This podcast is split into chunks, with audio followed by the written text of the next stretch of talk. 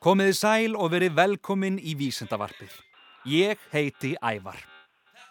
Í þættinum í dag ætlum við að tala um vísindamenn sem eiga það allir samiðinlegt að vera konur. Þær eru hver annari merkilegri, ótrúlega klárar og hafa haft mikil áhrif á heiminn sem við lifum í í dag. Það er ekki eftir neina að býða. Við skulum byrja. Fyrst í röðinni er Mary Anning. Þessi 12 ára gamla breska stelpa er einn mesti fordleifafræðingur fyrr og síðar. Fordleifafræðingar vinna með það að finna gamlar minjar og steingerfinga sem þeir rannsaka svo afar vandlega. Þannig getum við lært meira um fortíðina. Mary Anning fættist árið 1799 og 9 fyrir meira en 200 árum, það er svolítið langt síðan. Pappi Mary var smiður og fjölskyldan afskaplega fátæk. Mamma og pappi Mary eignuðust nýju börn en aðeins tvö þeirra livðu, Mary og bróðurinnar Jósef. Pappennar sapnaði stengjervingum og seldi ferðamönnum til að drýja tekjurnar. Stengjervingana fann hann í fjörunni og klettonum í kringum heimilið þeirra og þannig kviknaði áhugi hennar á fornum minnjum. Þegar Mary var 12 ára gömul sáu hún og bróðurinnar eitthvað furðulegt í sandinum. Mary tók hamarinn sinn og afar varlega fjarlagðum grjótið í kringum þennan furðulega hlut. Þetta var hauskúpa. Í fyrstu heldu þau að hauskúpan væri af krókudíl, en við nánari aðtugun kom hins vegar í ljós að þetta voru mun eldri bein. Rísaeðlu bein af fiskeðlu. Fiskaðlunar voru stór sjávardýr um 15 metrar að lengt og hámuðu í sig aðra minni fiska. Fyrir um 200 miljónum ára var staðurinn þar sem Mary bjó á kafi í sjó og sjórin á þeim tíma var stútfullur af stórskrítnum dýrum. Risaðlum. Steingervingar eru steinrunnar leifar eða fördýra eða plantna sem varðveittar eru í jarðlögum. Vísbyrningar um hvernig lífið var á jörðinni fyrir langa löngu. Stengervingarnir sem Mary Anning og bróðurnar fundu voru af dýrunum sem byggu á sama stað og þau. Bara mörgum, mörgum, miljónum ára fyrr. Sískininn heldu áfram að leita og á nokkur mánuðum fundu þau alla beinagrind fiskæðlunar. Setna á æfinni átti Mary Anning eftir að finna heilan helling af steingerðum risaæðlum, meðal annars flugæðlu og svanæðlu. Á þessum árum þótti það mikil nýlunda að kona skildi vera grubla í vísindum en Mary var svo klár að vísindarsamfélagi gat ekki litið fram hjá uppgötunum hennar. Rannsóknir Mary á steingerfingum áttu sinn þátt í því að móta hugmyndir vísindamanna þess tíma um hvernig lífið var á jörðinni fyrir mörgum miljónum ára. Það tók fólk töluverðan tíma að gera sig grein fyrir því að steingerfingar væru í raun og veru dýr sem höfðu dáið fyrir langa, langa laungu. Þegar fólk var að finna steingerfingana í fyrsta skipti, þá var þetta furðulega grjót kallað dregatennur. Og árið 1677 þegar risaðlubein fannst á Englandi voru allir sannfæriður um það að þetta væri bein af risa.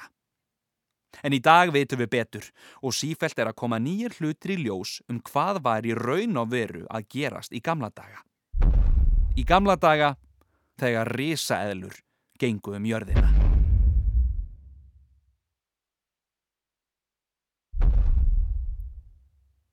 Vindum okkur í næsta vísindamann, Mary Curie. Mary Curie er eitt frægasti eðlis og efnafræðingur sögunar. Hún hlaut tvísvar sinnum Nobelsverlun fyrir rannsóknir sínar á geyslavirkni og frum efninu radíni. Rannsóknir hennar voru sannkallað braudriðjendastarf varðandi eiginleika frumefna og þróun og nýtingu kjarnorku.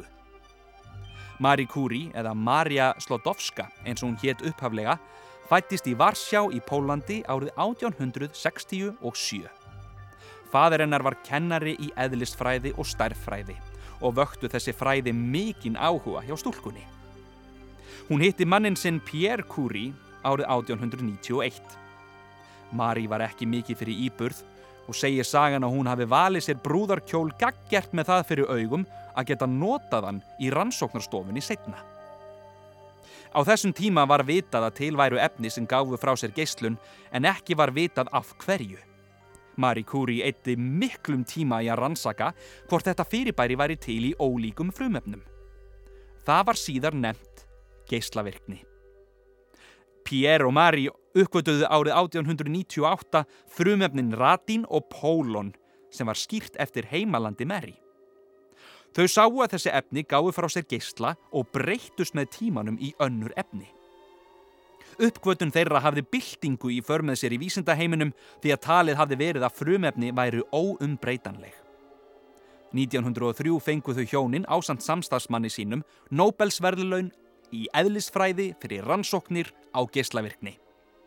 Árið setna fekk Mary fyrst kvenna leifi til að kenna við Sorbonne háskóla. Árið 1911 fekk Mary aftur Nobelsverðlaun, takk fyrir kjallega, en nú í efnafræði. Fyrir rannsóknir sínar og því hvernig hægt var að einangra radíum. Marie Curie held svo áfram að rannsaka geyslavirkni og nótkunn geyslavirkni í læknisfræði. Hún uppgötaði til dæmis að geyslar gætu læknað húðkrabbamein. En því miður þá endar sagan af Marie Curie ekki svona. Þegar vísindamenn stundar rannsóknir sínar er alltaf ákveðin áhætta að eitthvað geti komið fyrir. Það er afar heilsuspillandi að vinna með geyslavirk efni og svo fór að Mary fór að finna fyrir mikillir þreitu, var oft með höfuðverk og hita. Efnið sem hún var að vinna með í höndunum var 400 sinnum geyslavirkar en úran og því stór hættulegt. Hún geymdi oft efni á skrippborðinu sínu og jafnvel í vasanum og á endanum tók það sinn toll. Mary Curie lést árið 1934 úr kvítblæði sem hún fjekk sennilega vegna geyslavirkni frá frumefnunum sem hún hafði unnið með. Marie Curie er mjög mikilvægur vísindamadur. Ekki bara vegna þess að hún var eitt frægasti eðlis og efnafræðingur sögunar, heldur líka vegna þess að hún er mögnuð fyrirmynd kvenna í vísindum. Þess má svo til gaman sketa að glósubækunar hennar eru enn svo geyslavirkar að það má ekki handfjalla þær. Spáið í það! Nú skulum við fara aðeins hraðar yfir. Hér eru fimm merkilegar konur sem hafa á einn eða annan hátt haft áhrif á geimferðir á síðustu hundrað árum. Allar eru þar frábærar fyrirmyndir og frábærir vísindamenn. Elsie McGill sem fættist árið 1905 var fyrsti kvennkins flugvjela hönnuður í heimi. Hún var kolluð The Hurricane Queen eða Fellibils drottningin í höfuðið á einni af uppfinningunum sínum. Elsie hannaði ótal flugför á tímum sittni heimstýraldarinnar. Hún fann líka upp nýja tækni til að þróa flugförin og auðvelda framleiðslu og fyrir þessi tækni afreg var hún marg verlunuð. Alltaf þegar Elsie hafði hannað nýja flugvél heimtaði hún að fá að vera svo fyrsta til að prófa hana og það getur oft verið stór hættulegt. Þegar hún var ung þá fekk hún sjúkdóm sem olli því að hún gatvarla gengið og því þurft að bera hana í vélarnar sem hún prófaði. Elsie stjórnaði aldrei flugvélunum sjálf heldur satt hún í farþegarsætinu og tók niður aðtugasemdir og mælingar í glósubókina sína. Hún var því greinilega ekki bara svakalega klár heldur líka algjört hörkutól. Eftir heimstyrjöldina síðari barðist hún fyrir kvennréttindum og er ekki síður merkileg fyrir þeirra hlutasakir. Barbara Cartland, fætt árið 1901, var frumkvöðull á sviði sviflugs eða aerogliding eins og það heitir á ennsku. Svifflugvél er vélarlaus flugvél sem er fest aftan í venjulega flugvél og dregin í mikla hæð. Þegar réttri hæðar náður klift á spottan og flugmaðurinn í vélarlausu vélinni getur svifið um eins og hann vill. Vissulega voru til útgáfur af þessari tækni áður en Barbara kom til sögunar en þær voru oftast notaði til skemmtunar eða til að ferðast stuttar vegalengdir. Vélinn sem Barbara hannaði gatt flóið yfir 300 kílometra sem var algjör nýlunda með flugvél af þessu tægi. Og svona til að gera þetta almennilega spennandi þá ákvað Barbara að fara í kapp við lest sem læði á stað á sama tíma og svifvélinn. Barbara vann. Þá má geta þess að Barbara var líka rítöfundur og skrifaði meira en 700 bækur á æfisinni sem flestar ef ekki allar voru romantískar ástarsögur. Hún er í þriðja sæti yfir mest seldu rítöfunda allra tíma, rétt á eftir eh, Shakespeare og Agatha Christie. Mary Sherman Morgan, fætt árið 1921, var eldflöga og efnaverkfræðingur. Hún gengdi líki hlutverki í að koma fyrsta bandaríska gerfitunglinu Explorer 1 á loft og segja samstarfsmenn hennar að hún hafi ein og óstutt bjargað bandarísku geimferða áalluninni. Bandarísku geimflögunar voru nefnilega ekki alveg að virka. Það er annað hvort náð ekki nægum hraða eða sprungu áður en þar komist á loft. Mari var sett í það að leysa þetta vandamál og fann þá upp eldsneitið Hædín sem kom Explorer á loft árið 1958. Verkefnin sem hún vann fyrir bandaríkin voru hernaðar leindarmál á hæstu stegum og það var ekki fyrir en eftir að hún var dáin að samstagsmenn hennar stegu fram og sögðu heiminum frá hversu ótrúlega klár og mikilvæg Mary var. Yvonne Brill sem fættist árið 1924, var eldflöga verkfæræðingur og er þekktust fyrir það að hafa fundið upp búnað sem hjálpar gerfitunglum að halda sig á réttri braut. Búnaðurinn, sem á ennsku heitir Electrothermal Hydrazine Thruster, eða EHT, er staðalbúnaður í hverju einustu geimflög í dag. Hún var eina fyrstu konunum á sínum starfsvettvangi og brautriðjandi í heimi sem var annars stútfullur af körlum á þessum tíma. Yvonne hjælt áfram að vinna að hinnum ímsu verkefnum tengdum geimnum, meðal annars að körlunar fari til Mars og fyrsta veðurtunglinu. Árið 2011, nokkrum árum eftir andlátt sitt, fekk hún sérstaka veðurkenningu frá Barack Obama bandaríkjafósita. Og síðast en ekki síst, Camille W. Allain sem fættist árið 1966 og er enþá lifandi í dag. Hún er ótrúlega klár kona. Hún er með svo margar háskólagráður að það tæki hálfan dægin að telja þar allar upp. Hún hefur komið að þróun, rannsóknum og hönnun hinn að ýmsu tækja og tóla sem tengjast geimferðum í meira en áratug. Þessa dagana fer hún fyrir hópi teimis sem sér um öll undirkerfi í hluta nýs geimfars sem á að koma fólki aftur til tunglsins í náinni framtíð.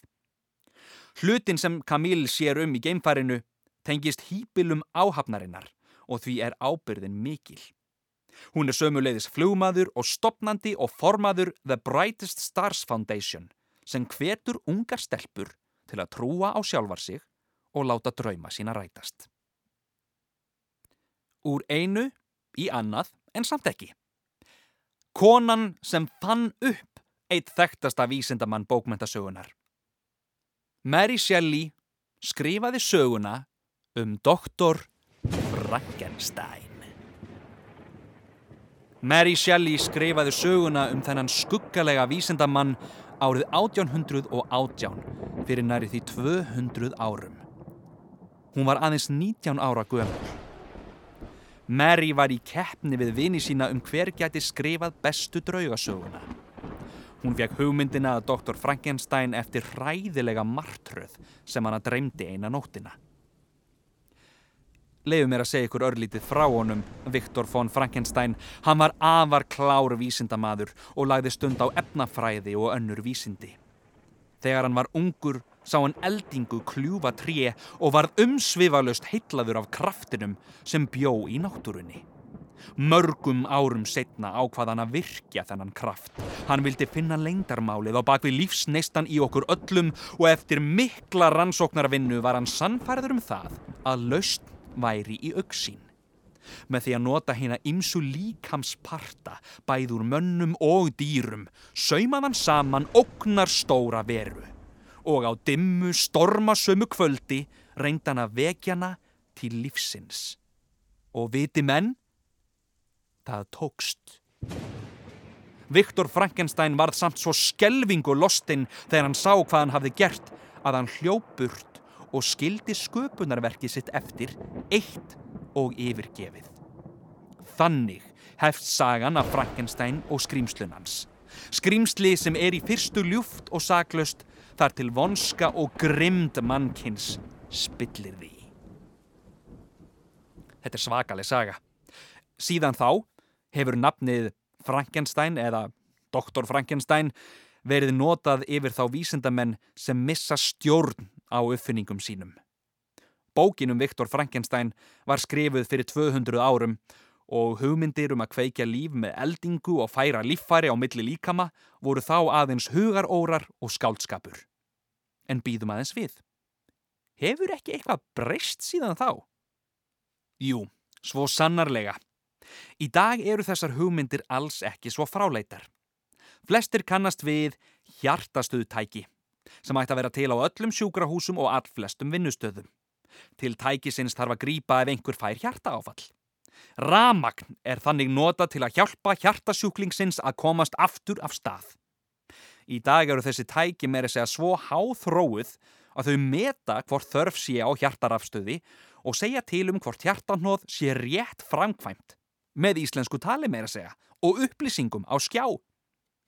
Sömu leiðis hafa læknar stundað líffaraflutning í mörg ár og bjargað ótal mannslífum í leiðinni. Það er í rauninni, svona ef við stoppum í smá stund og hugsaum aðeins um það, það er ótrúlegt að hægt sé að flytja hjarta úr einum manni yfir í annan.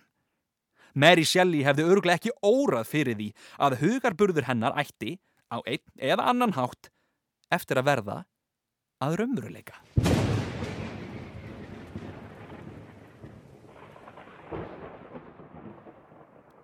Síðasti vísindamæðurinn sem ég ætla að segja ykkur frá hétt Caroline Herschel. Hún var breskur stjörnufræðingur sem fættist árið 1750. Hún er kunnust fyrir að uppkvöta átta halastjörnur og dvergvetrabrautina M110 sem er fylgi vetrarbraut Andromedu þókunar. Hún og bróðurinnar voru einir færustu sjónaugasmiðir heims á síðari hluta átjándu aldar og í upphafi þeirra nítjándu. Tí ára gömul veiktist Caroline sem hamlaði eðlilegum vexti. Hún var því afar fingerð og lágvaksinn, rétt rúmlega 140 cm á hæð. Og sangkvæm þeim heimildum sem ég fann, þá er það oft tekið fram að hún þótti vist ekkit sérstaklega fríð, sem ég finnst eiginlega alveg fáróld að það sé verið að tala um það hvort hún sé fríð eða ekki. Það skiptir engum máli, hún var svaka klár, hlustið áfram, allavega. Fjölskyldan hennar taldi að vegna þess að hún var eins og hún var, þá myndi hún aldrei giftast og uh, það væri bara best að hún myndi bara verða ráðskonna. Árið 1772 bauð stóri bróðurinnar William henn að flytja til sín og hún þáði bóðið. Þar vann hún sem ráðskona bróður síns á milli þess að hann kend henni söng en hún þótti fyrirtak söngkona. William heitlaði snemma af stjórnufræði en áhugamáli spratt fyrst og fremst upp til að drepa tíman á næturna. Morgunin eftir kjælt hann svo fyrirlestra fyrir Caroline um það sem hann hafði lært kvöldið áður. Caroline heitlaðist fljótt af stjórnufræði og hófað hjálpa William við smíði og nótkunn sjónauka. Í staðin kendi William sýstur sinni starffræði sem átti eftir að koma sér vel. Caroline þótti einstaklega lægin við að slípa og púsa speikla og koma sjónaukum fyrir á sjónauka stæðin. Svo vinna krafðist nefnilega þólinnmæði og nattni sem William bjó ekki yfir. Hann reytti sig þess vegna á stöðuning sýstur sinnar.